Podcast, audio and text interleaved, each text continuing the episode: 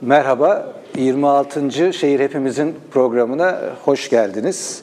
Bugünkü programın konusu ya da başlığı muhtarınla tanış. Konuğumuz Sahra-i Cedid e, Mahallesi Muhtarı Seval Özkan. Hoş geldiniz. Merhaba, hoş bulduk.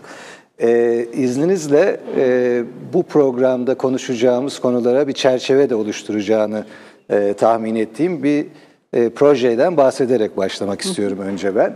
E, bu programın da hazırlayıcısı olan e, İstanbul Hepimizin girişimi bundan iki buçuk, üç sene kadar önce, 2014 yılında zannediyorum başladı, bir e, muhtarınla tanış projesi yaptı. E, bu e, projemizin devamında da bir e, muhtar muhtarlık raporu e, yayınladık. Aslında Sevel Hanım da bu e, projenin e, katılımcılarındandı daha önce.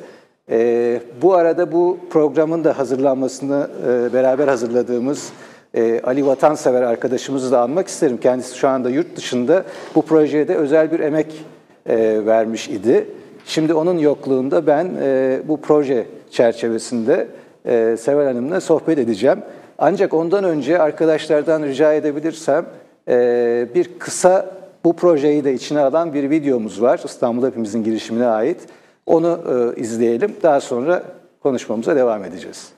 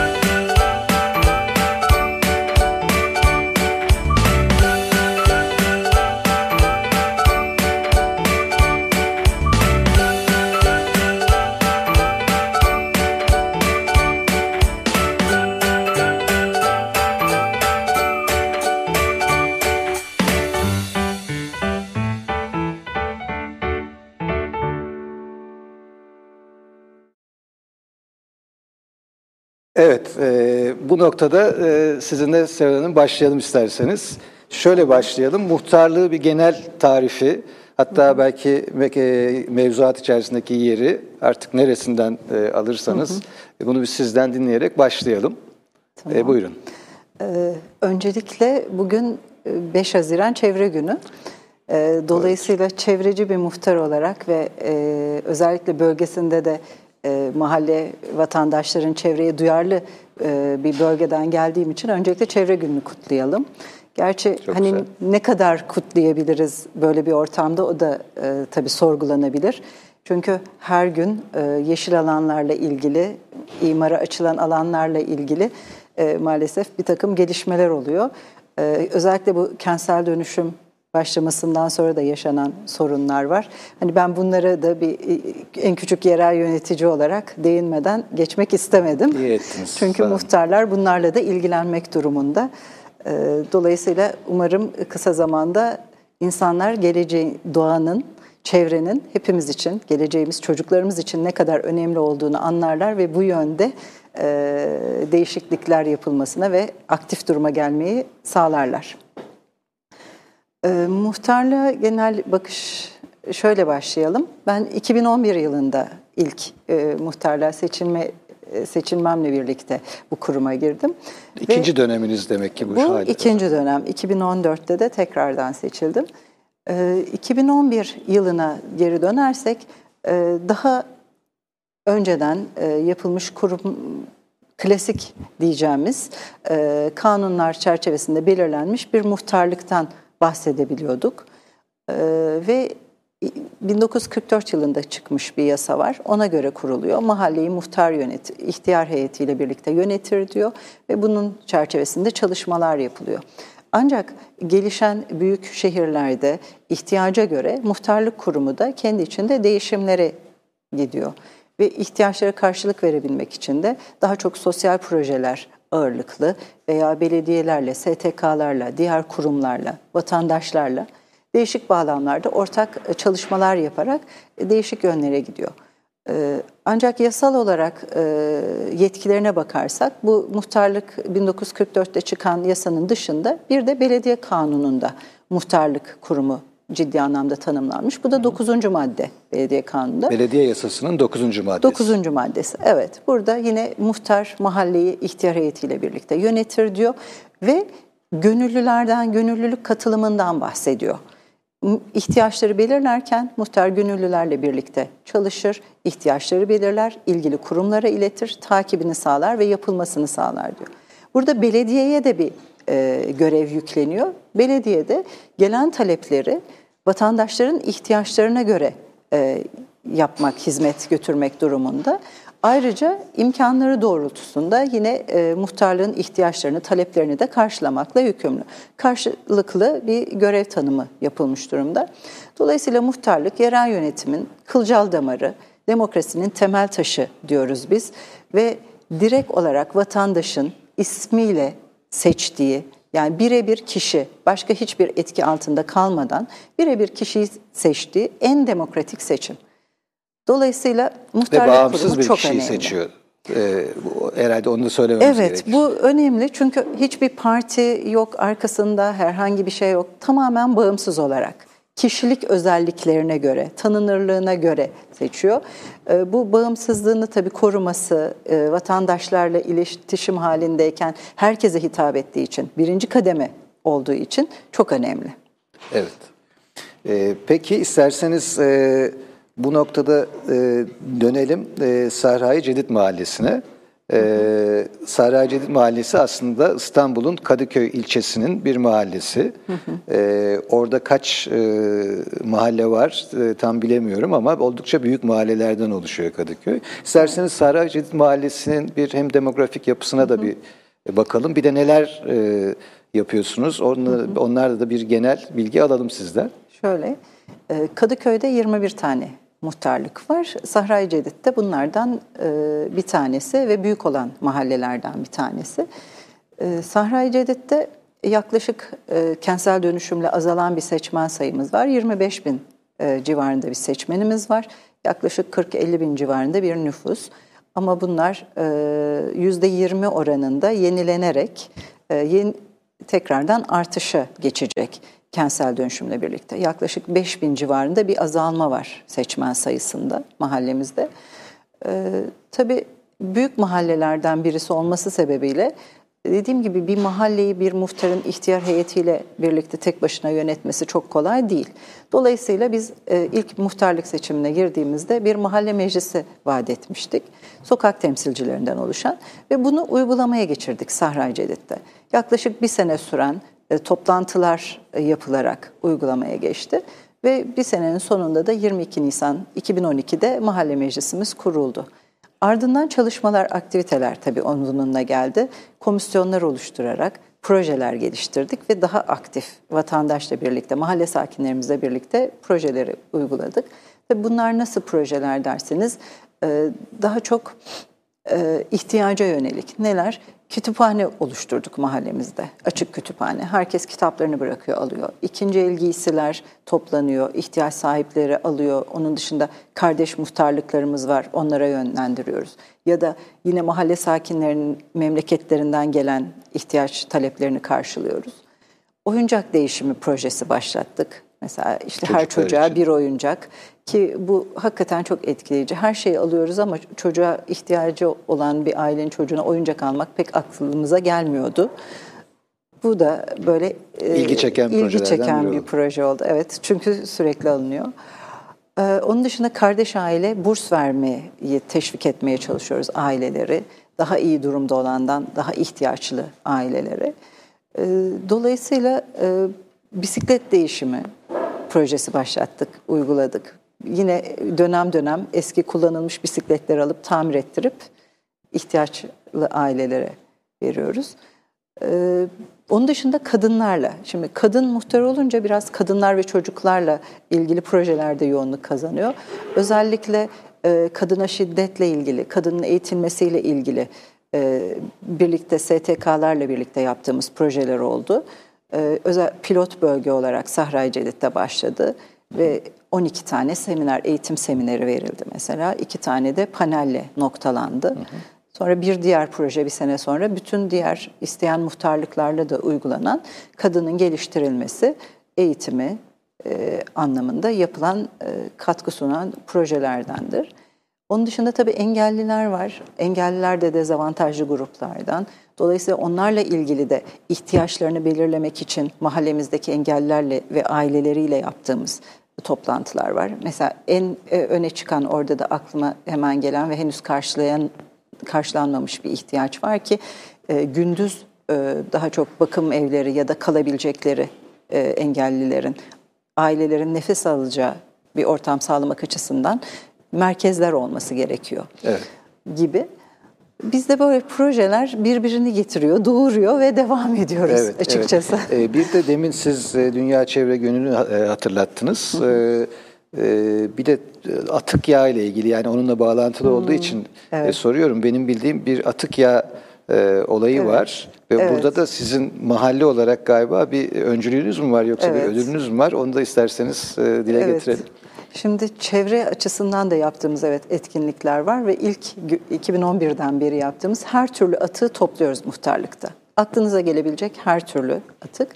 Bunun getirdiği tabii bilinçlendirme toplantıları da yapıyoruz ve bu sene 2017 e, Kadıköy Belediyesi Çevre Festivali çerçevesinde düzenlenen en çok atık toplayan mahalle muhtarlık olarak birincilik ödülü aldık. E, Kadıköy'de. tabii- Kadıköy'de evet. Ee, Üç muhtarlığa ödül verildi.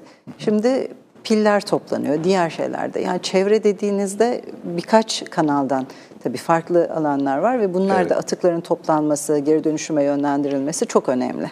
Evet. Dolayısıyla böyle bir birinciliğimiz var. Mahalle sakinlerimiz çok duyarlı. Dolayısıyla e, destek oluyorlar. Evet. Bu aynı zamanda mahallenin birinciliği oluyor tabii. Evet. Burada muhtarlığı da aşmış durumda. Ma- Evet. Mahallenin e, birinciliği Evet. oluyor. Peki e, Seval Hanım isterseniz e, biraz Sahra-i Cedid'den bahsetmiş olduk ama biraz daha genele gelelim. Biraz genel olarak muhtarlığa e, odaklanalım. E, şimdi bu bizim biraz önce bahsettiğim muhtarınla tanış e, projemizi yaparken e, tespit ettiğimiz bazı hususlar vardı. Gerçi biraz birkaç sene geçti bunun üzerinden ama e, bir tanesi muhtarlık hizmetleri zayıflıyor mu diye bir e, soru çıkmıştı oradan. Çünkü biz aslında vatandaş olarak e, muhtarlığı daha çok bir e, belge alan yani ikametgah dediğimiz ya da nüfus sureti dediğimiz işte belgelerin sağlanacağı bir e, sanki görevmiş bir yermiş gibi hep e, algılıyoruz. En azından kendi adıma konuşayım. Böyle bir şeyimiz var. E, Oysa ki demin de siz aktardınız bir sürü sorumluluğu ve yetkisi de var muhtarların. Evet. E, biraz bu konuyu irdeleyebilir miyiz? Muhtarlık ne durumda? Nereden nereye geldi? Böyle bir zayıflama var mıydı? Yoksa şimdi son dönemde değişiklikler var. E, Biraz şöyle başlayalım o zaman. Ee, muhtarlık kurumu önce örgütlenmesiyle başlayayım olmazsa. Mesela 2012 yılında e, muhtarların İstanbul Muhtarlar Federasyonu adı altında bir örgütlenmesi gerçekleşti. Yine aynı yıl e, Türkiye Muhtarlar Konfederasyonu kuruldu. 12 tane federasyondan oluşan ve bütün Türkiye genelinde muhtarların yönetimde olduğu bir federasyon, konfederasyon. Şimdi bunların oluşmasının sebebi de nedir? Muhtarlık kurumunun e, maalesef yetkilerindeki güç e, kaybı Evet. Ve bu taleplerle, yeni bir takım taleplerle ortaya çıkması. Ee, şimdi vatandaşın birinci derecede ulaşabildiği bir kurum olduğu halde evrak verme de artık zaten internet üzerinden yapılıyor. Onun dışında sosyal projelere gidiliyor. Ancak yaptırımı olmadığı için kanunla belirlenmiş bir sorumluluk e, yetkilendirme olmadığı için sorumluluğunuz var ancak yetkiniz yok Evet. pozisyonda kalıyorsunuz. Dolayısıyla yaptırım gücünüz zayıflıyor. Bunun tabii e, yeni bu süreçte yeni yapılanmalar, yeni kanun e, maddeleri, muhtarlık kanunun özellikle çıkması yönünde ciddi taleplerimiz var. İşte ihtisas komisyonlarında, meclislerde mahallesiyle ilgili muhtarın söz sahibi olması, mutlaka ve mutlaka imzasının aranması gibi taleplerimiz var. Ki bu vatandaşa olumlu olarak geri dönecek. Burada söylediğiniz galiba e, oy sahibi olmasını aslında galiba söylüyorsunuz. Çünkü hatırladığım kadarıyla özellikle ihtisas komisyonlarında örneğin ulaştırma olsun, imar olsun, aklınıza ne geliyorsa buralarda kend, muhtarların kendi bölgelerinde ile ilgili konularda e, söz söyleyebiliyorlar, gözle, gözleyebiliyorlar diye biliyorum mevcut mevzuata göre. Tabii bu uygulamada nasıl oluyor onu siz söylersiniz ama bu sizin talebiniz buralarda oy kullanabilme Oy yani karara etki direkt etki edebilme anlamında. Buyurun. Tabii yani söz sahibi şöyle, raiç bedellerle ilgili yapılan komisyonda mesela bir söz hakkımız var ve imza hakkımız var, oy hakkımız var. Evet. Ama onun dışında uygulamada yani e, çok basit bir şey, sokağınızın isminin değişmesi ya da sokağınızda bir kazı yapılması. Bununla ilgili e, hiç bilginiz dahilinde olmadan her şey yapılabiliyor. Evet. Ve siz bunu çok sonra araştırma sonucunda öğrenebiliyorsunuz.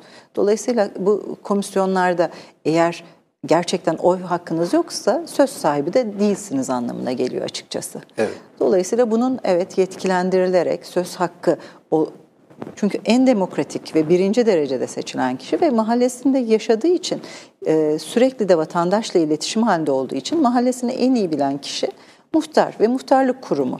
Dolayısıyla eğer e, yerinden de yönetim hani anlayışı esas alındığında güçlendirilmesi gerektiğini düşünüyorum ve bizim de federasyon, konfederasyon olarak yaptığımız çalışmalarda e, gerek merkezi idareyle yerel yönetimlerde bunların e, uygulamaya geçirilmesi için uğraşıyoruz.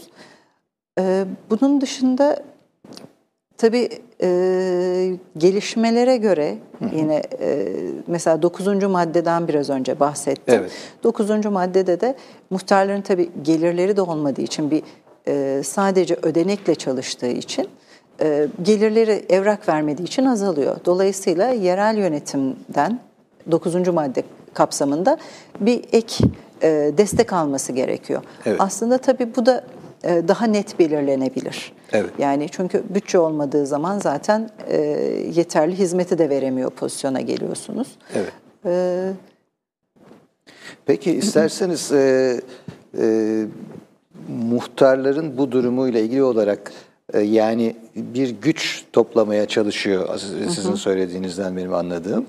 E, bir de vatandaşların e, bu muhtarlık hizmetleriyle ne kadar ilişkili olduğuna biraz değinelim. Yani ben hep şunu hissediyorum sanki demin bir ara bahsettim. Yani buraya sadece bir belge alıp verdiğiniz bir kurum gibi görmeyip aslında yaşadığınız yerle ilgili bütün ihtiyaçlar, gelişmeler ne varsa hepsin, hepsinden haberdar olabileceğiniz, hatta demin söylediğiniz gibi e, katkıda bulunabileceğiniz, karar sürecine katılabileceğiniz bir e, mekanizma olabilir. Ama vatandaşlar bunu istiyor mu sizce?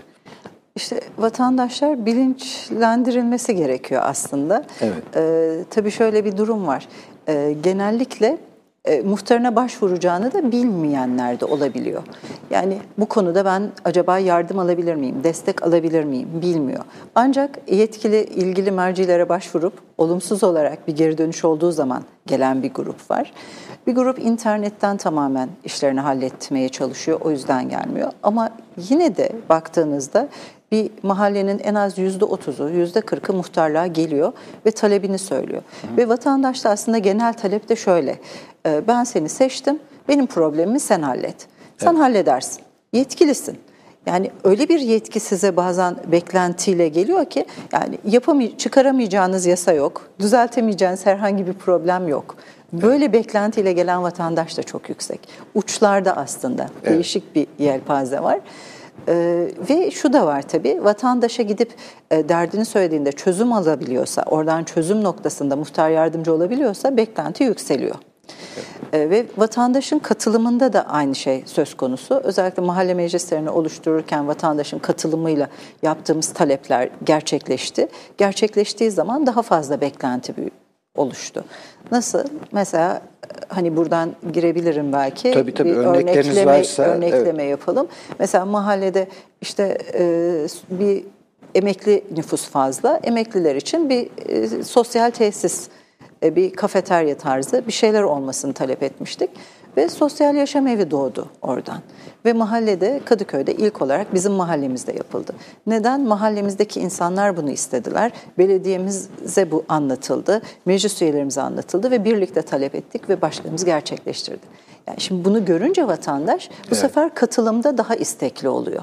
Evet. Ee, başarı önemli. Güzel, evet. Bu e, önemli bir örnek. Buradan isterseniz bu bahsettiğiniz mahalle meclisi e, konusuna biraz daha girelim. Bunu oluştururken e, nasıl bir yöntem izlediniz ve bir takım sıkıntılar çektiniz mi? Çünkü bu önemli. Mahallede çok değişik görüşte, değişik kültürde insanlar yaşıyor aynı zamanda. E, bununla ilgili biraz ayrıntı verebilir misiniz? Nasıl oluşturdunuz mahalle Evet. meclislerini? Şimdi mahalle meclisi neden oluşturduğumda önemli. Tabii. Aslında e, insanlar ortak bir alanı paylaşıyorlar, birlikte benzer problemleri yaşıyorlar, benzer talepleri var. Dolayısıyla e, güçlenmek için, güvenliğini sağlamak için, bir dayanışma, birliktelik sağlamak için ve en önemlisi katılımcı ve demokratik bir yönetim için mahalle meclisi. Ve bunu da e, büyük şehirlerde bu nüfuslarla bir muhtarın dört azasıyla yapabilmesi mümkün olmadığı için gerekli. Ve e, nasıl oluşturduk? Mahallenin geneli harita üzerinden e, yaklaşık 60 tane sokağımız ve 1000 tane binamız var. Bunları gruplara ayırdık. Benzer yakın komşu sokaklar ve sokakta talep davet yazıları yazılı olarak davetle davet ettik. Toplantılar düzenleyerek. Bunları da altı gruba ayırmıştık mahallede ve grup grup toplantılar, davetlerde insanlara mahalle meclisi oluşturmak istediğimizden, nedeninden ve ne yapmak istediğimizi anlatarak sokak temsilcilerinin seçilmesini sağladık. Ve gönüllü oldular mahalle sakinleri burada. Ee, ardından bütün sokakların toplantıları yapılıp temsilcileri seçildikten sonra da mahalle meclisini topladık hepsini bir arada. Ve o zaman bütün e, STK'ları, e, parti temsilcilerini, e, herkesi davet ederek açılış yaptık. Siyasi parti temsilcilerini de dahil ettiniz. Dahil olmak üzere. Evet, Evet. evet. Mahallemizde ne kadar dernek varsa, okul, esnaf, herkes davetliydi. Ve her birini de gezerek bunlardan haberdar ettik. Gelin sorununuzu bizimle paylaşın.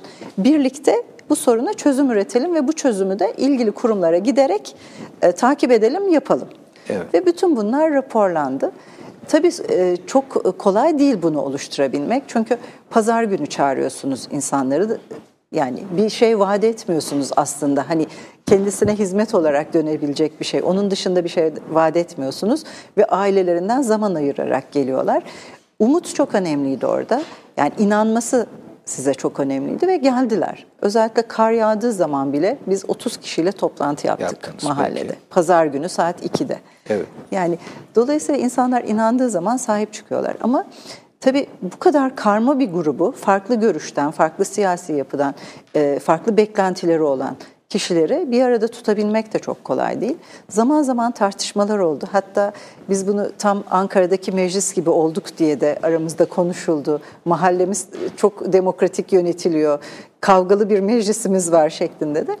Tabii olabiliyor çatışmalar ama bunu uzlaşmacı olarak çözebilmek. Önemli olan mahalle e, ekseninde e, ihtiyaçlar ve talepler doğrultusunda asgari Ortak, müştereklerde e, asgari müşterek daha güzel. birleştirmek ve amacımızın ne olduğunu hatırlatarak insanları buraya çektiğinizde gayet güzel uzlaşabiliyor ve şu anda biz yürütebiliyoruz bunu. E, iletişim halindeyiz, toplantılarımızı yapıyoruz. Ee, ve insanlara tabii çok yabancı bir kavramdı. 2011 yılında hani mahalle meclisinden bahsettiğinizde yani böyle bir oluşumlar yoktu. Dolayısıyla yabancı bir kavramdı. İnsanlar alıştıktan sonra, anladıktan sonra ve yürüyüş, işleyişi gördükten sonra da sahiplendiler. Evet. Ee, şimdi bizim bu e, muhtarın tanış projemiz içerisinde e, uzmanlarla yaptığımız görüşmelerde bir başka kavram ortaya çıkmıştı. Gönüllü muhtarlık kavramı. Şimdi bu gönüllü muhtarlık e, ne demek? Aslında gönüllü Şimdi muhtarlık tam aslında öyleyiz bu biz evet gibi. sizin anlattığınız e, herhalde çalışmaları yapmaktan geçiyor. Yani mahalledeki insanları aslında katılım mekanizmalarına katmaktan geçiyor. E, bu noktada bu e, mahalle meclislerini konuştuktan sonra e, bu kent konseyi yani aslında şu anda e, yasalarda, mevzuatta yer alan bir takım katılım mekanizmaları var. Yani vatandaşın karar süreçlerine katılımıyla ilgili. Belki biraz buraya irdeleyebiliriz. Bu kent konseyleriyle ilgili de muhtarların bir takım e, hakları var diyelim ya da katılım e, sorumlulukları var. Burada nasıl yürüyor işler? Bu burada bir e, gelişme var mı? Çünkü sizin çalışmalarınız aslında bu kent konseyleri çalışmalarının öncesine düşüyor biraz. Buradaki tecrübelerinizden bahseder misiniz biraz? Tabii. Şöyle söyleyeyim, kent konseyi de e, muhtarlar zaten otomatik olarak genel kurul üyesi kent konseylerinde hak e, söz sahibi, e, katılımcı olarak çalışıyorlar. Benim kent konseyi çalışmalarım muhtarlıktan önce dernekler, STK'larla geliyordu. Şimdi e, kent konseyinde meclisler var. E, ve bu meclislerin e, yapılanması, gençlik, kadın meclisi, engelliler meclisi gibi bir de çalışma grupları var. İhtisaslarına, uzmanlık alanlarına göre işte e, çevre altyapı grubu, e, sosyal yardımlaşma Evet. gibi değişik uzmanlık alanlarında trafik olabilir. Ama e, mahalle meclislerini de bu meclisler kapsamında değerlendirilmesi daha çok öngörülüyor.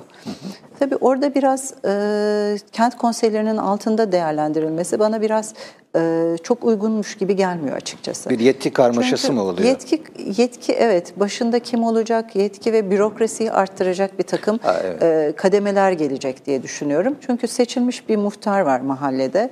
Bir de onun e, içine kent konseylerini katıp ayrı bir bürokrasiyle gitmek çok uygun düşmüyor gibi. Şu anda yönergeyle ilgili de kent konseyi yönergesinin e, yönetmeliğin üzerinde de değişiklik yapılması çalışmaları var. E, dolayısıyla e, çok oturmuş e, değil yerinde Şu an. şu anda. A- Belki e, mahalle meclisleri daha çok hani 9. madde kapsamındaki gönüllülükle bağdaştırılarak ve 44'ten kalma kanun yenilenerek e, belki daha farklı çözüme götürülebilir diye düşünüyorum. Ama e, mahallelerde kent konseyinin çalışma yapması, gruplarla çalışma yapması, ortak çalışma yapması muhtarlarla çok e, doğru sonuçlar getirebilir. Ki ben iki dönem yürütme kurulu üyeliği de yaptım Kadıköy Kent Konseyi'nde ve kadın meclisiyle yaptığımız ortak projelerimiz oldu. E, diğer derneklerle birlikte yine Kadıköy Kent Konseyi Kadın Meclisi ile e, daha etkili oluyorsunuz ve e, daha çok kişiye ulaşabiliyorsunuz. Evet. Dolayısıyla kent konseyleri doğru, iyi bir aslında katılım ama geliştirilmesi gerekiyor. Evet. Yani iyi bir zemin oluşturabilir belki ama bu o, Oluşturulabilir. onay mekanizmaları vesaire konusunda bir takım soru işaretleri var Evet diyorsunuz. bir de vatandaşın tabii şöyle söyleyeyim kent konseylerine yani bizim hani sokaktaki vatandaş dediğimiz Ayşe teyzemiz, Mehmet amcamız nasıl katılacak oraya? Onlara onu nasıl cazip hale getireceğiz? Çünkü buralara genelde katılımlar hani daha belli e, kişiler hep oluyor.